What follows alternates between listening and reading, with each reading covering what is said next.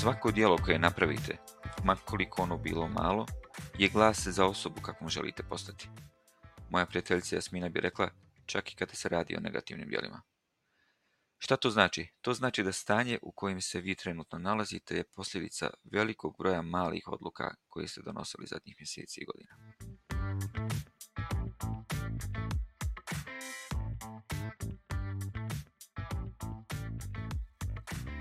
Ok, Brainiacs, Znam, situacija je teška, nema se vremena, porodica, posao, frka, posuda. Vi jednostavno nemate vremena čitati knjige koje bi vam pomogle povećati produktivnost i razviti nove vještine. Ali pazi sada, zato je tu za vas podcast Brain Books. U ovom podcastu analiziramo knjige koje vam mogu pomoći da postanete najbolja verzija samog sebe. Moje ime je Ermin, a ovaj podcast vodim zajedno sa svojom dobrom prijateljicom Jasminom. da, kao i uvijek. Znači, govorimo ovaj put o novoj knjizi Atomske navike James Cleara. E, zanimljiva knjiga koja nam je donijela dosta alata i strategija kako neke navike implementirati. E, moram priznati da sama knjiga meni je donijela neku strukturu, iako to nije jedini način kako implementirati neke navike, ali zapravo je dragocjena za puno ljudi. Recimo, jedni kad smo nas dvoje razgovarali o tome, i sam se istakao kako ti u nekim eh, svojim eh, implementaciji nekih navika jako puno pomogla. Mm. Ja, ja sam stvarno oduševljen knjigom. Knjiga mi je od prvog poglavlja već pomogla da ja počnem implementirati neke pozitivne navike u svom životu. Od sitnica i malih stvari koje traju samo dva, minuta, ali se onda, onda akumuliraju i o tome ćemo pričati kasnije. Ja, ja se nadam da ili kroz ovaj podcast ili nakon što, što kasnije kad pročitate knjigu, da će knjiga i vama donijeti iste takve prednosti, iste takve benefite kao što je meni donijela. Jasmina, kod tebe je to malo drugačije bilo, je li tako? Pa je, zapravo dala mi je neku određenu strukturu koja je sam implementirala već prije u svom životu, ali mi je dala neke nove poglede o kojem ćemo naravno u detalje pričati. Ja bi samo nas, ono, mhm. nastavila se da ćemo mi držati taj kontinuitet, da će u prvom dijelu E, podcasta o knjizi e, biti više govora o toj teoriji, o četiri zakona koje on spominje kako implementirati navike i daćemo puno primjera tako da bi vama to bilo na neki način jasnije. E, što se tiče drugog podcasta, tu ćemo baš dati konkretne primjere gdje može vas ponukati da i na kraju sami možda pročitate ovu knjigu, ali svakako da možda probate neku od tih stvari. Konkretno, eh, kaže meni je ona pomogla da možda strukturiram eh, neke stvari koje u principu prije nisam imala. Odlično. Eh, što se tiče znači, autora James Cleara, James Clear je američki autor, Atomske navike mu je prva knjiga i ta prva knjiga je već prodana u 15 milijuna primjeraka. kako je došlo do pisanja ove knjige? James Clear to objašnjavao isto tako u svojoj knjizi na samom početku, kroz, kroz jedno lično iskustvo koje je imao kao mali u srednjoj školi dobio je sportsku povredu na bejsbolu gdje ga je bejsbol lopta, lopta u glavu, završio je u komi, to je utjecalo na njegove fizičke i kognitivne sposobnosti i taj oporavak je trajao jako dugo, jel? Ono što je on uspio zahvaljujući tim navikama i zahvaljujući tim, tom organizaciji života je da postane i uspješan bez, igrač kao i da postane jel, uspješan autor, uspješan pisac i uspješan vloger. Znači knjiga u principu je nastala iz njegovih blogova gdje je on počeo opisivati šta radi i kako radi i kako mu te male navike koje usvojio u svom životu pomažu da napravi napredak u svim sferama svog života. Da, on tu zapravo spominje teoriju 1%, gdje zapravo mi trebali bi svaki dan 1% eh, biti bolji od prethodnog. To na nivou tog znači svakodnevnog nije puno, ali kada gledamo znači veće razdoblje od godinu dana, to je znakoviti neki pomak. Mhm. Tako da on to svoje personalno iskustvo, znači to što si sad naveo o njegovoj, njegovoj toj nesreći, pa mu je pomoglo zapravo da se vrati, da čak postane toliko uspješan u tom dijelu, E, može se prenijeti i na naš život. Znači ako želimo implementirati u svom privatnom životu na nivou takvih nekih e, navika, ali zapravo ova knjiga je dragocjena i mnogima vezano recimo ili za sport ili za posao gdje on govori o tom poboljšanju 1%. I meni je recimo e, Ernie Super onaj primjer o tom britanskom cycling timu gdje zapravo on govori kako je njihov trener doveo ih u tu formu da zapravo mogu postići ove određene, to jest visoke rezultate. Mhm. Mislim, ne znam koliko se tebi svidjela ta priča, meni je onaj... Yeah. Bilo jako zanimljivo. Znači, bicikliški tim Englesko je bio toliko loš da oni u zadnjih sto godina nisu osvojili apsolutno ništa. Ono, totalno su bili katastrofa. Bili su tolika katastrofa da ih poznati proizvođači bicikala su odvijali da im daju svoja bicikla da, da ne bi bilo loša reklama za, za samih njih. Šta se desilo onda?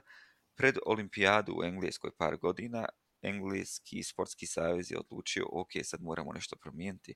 I onda je taj novi trener koji je došao na čelu bicikličkog tima rekao ok, idemo sa tim akumulativnim poboljšanjima. Znači poboljšat ćemo sve za, jed, za zicevi moraju biti na posto 1% bolje sjedala na biciklima, ne znamo, rukohvati moraju biti 1% bolji, trening mora biti 1% bolji, masaža mora biti 1%. Znači, u principu je išao sa, jednom širokim poboljšanjima svugdje ta, ta marginalna, marginalna poboljšanja je radio na svim poljima. Do čega je to dovelo? Dovelo je da je, ne znam, od 2007. do 2017. britanski tim osvojio manje više sve, sve šampionate da su osvojili, ne znam koliko se sjećam, četiri ili pet Tour de France, postali su jedan od najboljih biciklističkih timova u Europi. Zašto? Zato što su radili mala poboljšanja na raznim poljima. Da, jer u principu mislim da je problem to što većina ljudi, a ja sama, nekako očekujem da će taj napredak biti linearan i da će to polučiti puno brže rezultate. Ali mi moramo prihvatiti da postoji neka gradacija. Na početku ono motiv je uvijek veliki, ja želim, ja ću naučiti, ne znam, svaki mm. dan deset riječi španjolskog jezika, to ću ono, držati non stop konstantom. Međutim, jednostavno je nekako prirodno da ta motivacija vremenom opada, zato je bitno e, te navike ojačavati da one zapravo budu to što će nas voditi. Mhm. On tu spominje i taj latentni e, potencijal koji zapravo ili ta što smo govorili e, krivulja, e, to jest dio kad imamo, kako se zove ono, da me podsjeti, krivulja, nije očajan ili tako nešto. A pa, dolina očaja a dolina ili takozvana, da, dobro, vratit ću se na latentni. Ok, znači on tu govori o tom latentnom potencijalu gdje zapravo mi u određenom dijelu pod navodnike nas hvata taj očaj jer ne vidimo nikakav napredak. To se pogotovo vidi kada neko uči jezik. E, imaš osjećaj da učiš, učiš, učiš, a ništa. Ali zapravo treba nastaviti da bi došli do tog breaking pointa gdje zapravo vidimo e, taj napredak, to on će se očitovati. Tako da s te strane e, pokriva i taj dio gdje govori na koji način održati te navike da bi došli do tog breaking pointa i mhm. vidjeli rezultate toga. On, ono gdje se isto vidi Jasmina, taj dolina, dolina očaja, ako je, ako je i kod naših slušatelja i kad pokušao smršati, uh, će o čemu, o čemu govorim. Znači, James kaže u svojoj knjizi, znači možda se i ne trebate fokusirati samo na cilj. Cilj će doći sam po sebi ako uspostavite pravilne sisteme. Pa da, ono zapravo e, govori o tome da cilj nam ne bi trebao biti ajmo reći cilj, jer on e, ograničava našu sreću. Jer kad jednom dosegnemo cilj, aha, sad sam smršila toliko, onda zapravo šta ću dalje? E, ono što je meni zanimljivo u toj knjizi je implementacija identiteta.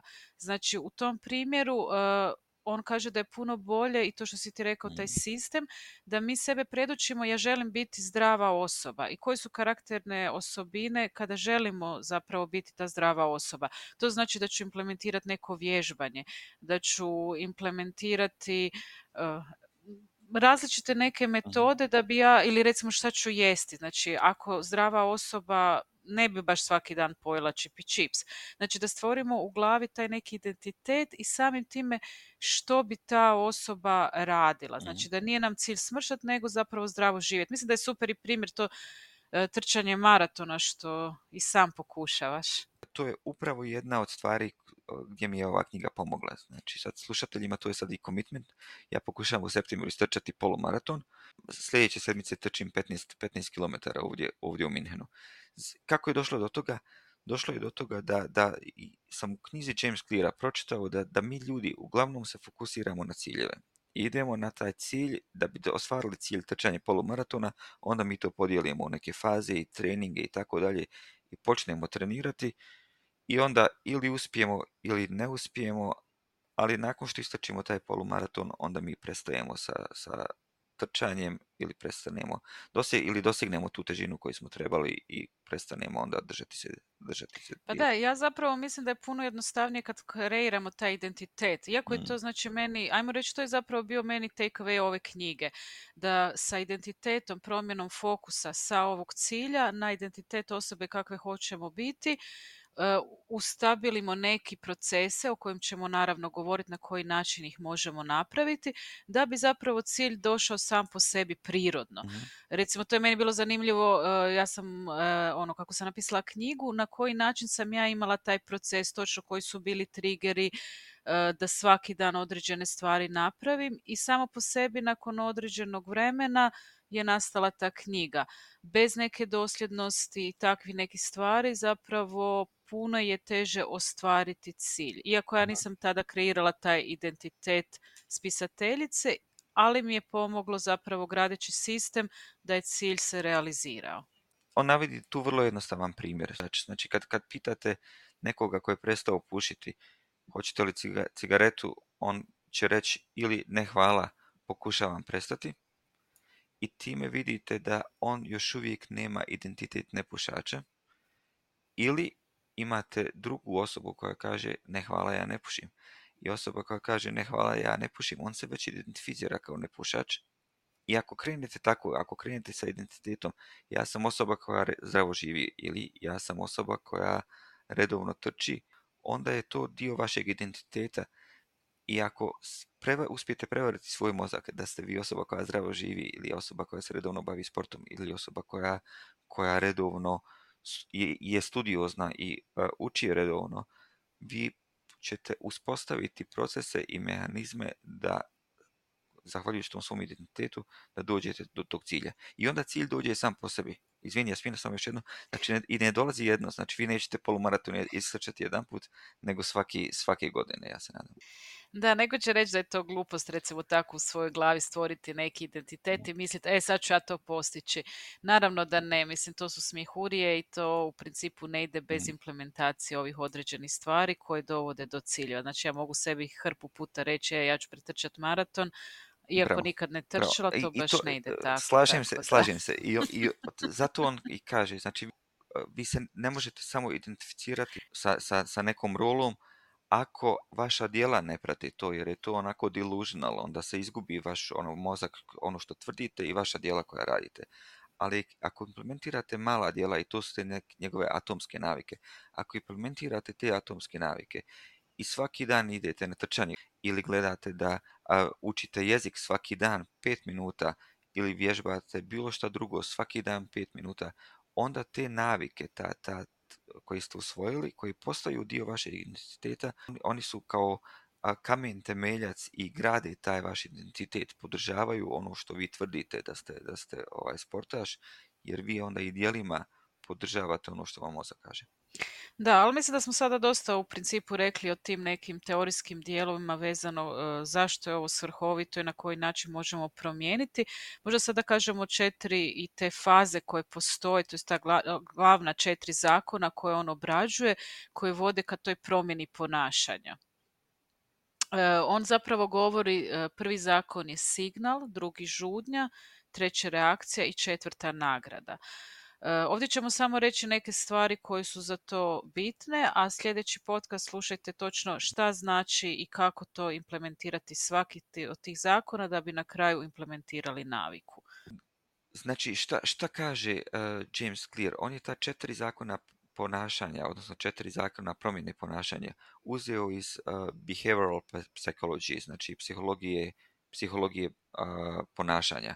Iz te psihologije ponašanja je izvukao ta četiri, četiri signala i on kaže isto kao što da se vratim na primjer pušača kada pušač i nepušač uđu u sobu i na stolu stoji kutica cigareta za nas nepušače to je samo objekat tu može stajati ne znam nija i neki novčanik apsolutno ne, nećemo, nećemo reagirati na tu kuticu cigara. Ali na kolač čokoladni bih reagirala. Možda bih ja na novčanik reagirala. ali, e, ne, ja bih reagirao na čipsi, Ali ako ćeš reagirati na, znači taj čokoladni, čokoladni kolač na stolu kada ga Jasmina ugleda, onda je to njoj signal, onda je to neki trigger kod njoj koji probudi žudnju. Zašto? Zato što se njen mozak luči onda dopamin i prisjeća se u kako je fino jesti kolač. I to izaziva sva ona lijepa sjećanja. I onda ta žudnja proizvodi to da njena ruka sama kreće prema kolaču i onda će ona uzeti taj kolač. I onda će pojesti kolač i taj, taj okus slatka će proizvesti taj osjećaj da je, da je osjećaj nagrade, jel, osjećaj ugodi. A možda će se onda još e, nagraditi sa još jednim kolačem. I onda se nagradiš sa jednim kolačem i onda prestaneš trčati i onda ova, imamo onu dolinu očaja koju smo pričali. Koja ide prema dole. Da, da. I kad smo, kad smo kod toga, znači, o, pričali smo ovo, postaješ 1% bolji svaki put, možeš postati 1%, 1% bolji svaki put, ali to isto ide na dole. Ako prestaneš vježbati, ako stalno jedeš, ne znam, nija čips ili ne znam, nija kolače, ako pušiš, i ne moramo se fokusirati samo na zdravlje, možemo se fokusirati na čitanje knjiga, možemo se fokusirati na, ne znam, učenje stranih jezika, možemo se fokusirati na sve one navike koje bi mi željeli da radimo, a ne želimo. Ali ako ih ne radimo, to isto govori nešto o nama i nakon godinu dana ćemo biti u situaciji gdje nismo željeli biti zato što smo radili nešto, odnosno zato što nismo radili nešto. Pa da, u principu ono što se kaže, e, ono što hranimo, to će se mm. pojačavati. Da li će to biti pozitivna ili negativna navika, jednostavno će nas e, voditi ka tome, tako da s te strane Eh, da, zgodno je biti svjestan tih nekih svojih navika. Ok, uvijek možemo neke imati, ajmo reći, eh, guilty pleasures povremeno, mhm. ali ako mi kontinuirano to imamo, zapravo nas vodi u osobu možda koju ne bi htjeli baš eh, mhm. biti. Za mene, znači, ovaj summary knjige od, od James Cleara je da ako počnemo implementirati navi, male navike u svom životu, jer naš život se sastoji od tih malih navika. Ako počnemo implementirati prave male navike, to će voditi u smjeru osobe ili identiteta kakav mi želimo imati kao osoba. Identitet se gaji kroz tih, ne znam, ja, hiljadu puta izvršenih e, malih navika jel? i tih malih rutina. Pitanje je sad, znači možda Jasmina za tebe, da, da li ta silna rutina ako, ako ih stalno implementiramo, da li će izgubiti spontanost, da li će ja ovaj postati ali kao robot. Pa da, to je zapravo meni bilo zanimljivo jer sam se ja ono uplašila, čovječe, bit ćemo ko roboti mhm. nakon implementacije svih tih navika samo ćemo ići ono po špag i lijevo desno. I da, onda eh, u principu on isto govori o tome, kao da je pročitao moje misli, eh, ono što navodi je zapravo najmanje imamo slobode kada eh, nemamo svoje navike pod kontrolom. Pogotovo kada govorimo i o tim negativnim navikama. Tako da zapravo eh, mislim da je tu u pravu kada sam malo više razmislila jer to su neki svi rutinirani zadaci koji nas dovode do nekih poboljšanja i zapravo nam ne oduzimaju energiju kada ih imamo eh, implementirane na pravi način. I on o tome govori kako imati, da nam nisu i opterećenje, a da nije to ni nešto što će nas e, učiniti robovima navika, nego u mm. principu će nas osloboditi, oslobodit će nam vrijeme za neke druge stvari koje bi možda željeli raditi u svom životu. Upravo tako. Jer ako nismo, ako, ako ne kontroliramo te svoje navike, mi, smo, mi tako i tako radimo jako puno po navikama, a samo to ne primjećujemo. Ovako su barem svjesne navike. I došli smo do kraja ovog prvog dijela podcasta. Znači, što smo do sad pokrili? Ako uspijete implementirati da ste 1% bolji svaki dan u nekom od sfera svog života, vi ste na kraju godine 360 puta bolji nego što ste to bili. Znači, krenite, krenite sa malim navikama i počnite ih implementirati. nemojte da vas iznenadi dolina očaja i ako vidite da, da ne napredujete kako ste razmišljali, samo, samo nastavite. Zašto? Zato što vi time podupirite svoj identitet i taj identitet osobe koji želite biti.